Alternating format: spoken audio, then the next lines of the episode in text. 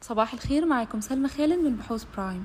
هنبدأ الاجتماع الصباحي ليوم الخميس الموافق 11 مايو 2023 وهنبدأ بأهم أخبار ال macro وأول خبر هو إن معدل التضخم الأساسي السنوي في مصر تراجع إلى 38.6% على أساس سنوي في إبريل 2023 وده من 39.5% على أساس سنوي في مارس 2023 أما بالنسبة للتضخم الأساسي الشهري فده تراجع إلى 1.7% في إبريل وده مقابل 2.5% في مارس. وكانت توقعاتنا للتضخم الأساسي السنوي عند 39.2% أما بالنسبة لتاني خبر معانا وهو وضعت موديز إصدارات العملات الأجنبية والمحلية في مصر عند B3 قيد المراجعة وده لخفض التصنيف وده بيرجع ذلك إلى تباطؤ بيع الأصول المملوكة للدولة وإن ده كمان هيضعف السيولة للنقد الأجنبي في مصر وهيهدد خطتها التمويلية.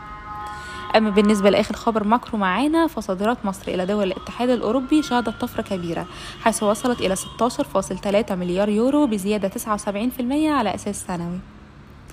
ودلوقتي هنبدأ بأهم أخبار الشركات. وأول خبر وهو موافقة هيئة الرقابة المالية على انقسام مجموعة عامر القابضة إلى شركة عامر وإي كابيتال القابضة وده لزيادة فرص النمو التشغيلي لكلا الشركتين. وستبلغ القيمة الإسمية لشركة عامر 70 قرش للسهم بينما لشركة اي كابيتال 30 قرش للسهم. وكمان ارتفع سعر سهم عامر في تعاملات الأمس بنسبة 4.9% ليغلق عند 71 قرش للسهم.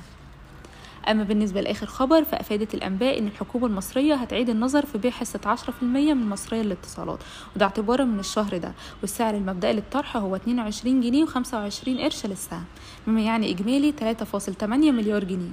وكمان المصرية للاتصالات أعلنت عن استكمالها لمراحل تو أفريكا في الأراضي المصرية بعد أن أكملت تاني كابل بحري ليها وده الموجود في بورسعيد وده بعد خمس شهور من إطلاقها لكابلها الأول في رأس غارب. وبكده نكون خلصنا أخبار النهاردة وشكرا لاستماعكم الاجتماع الصباحي وصباح الخير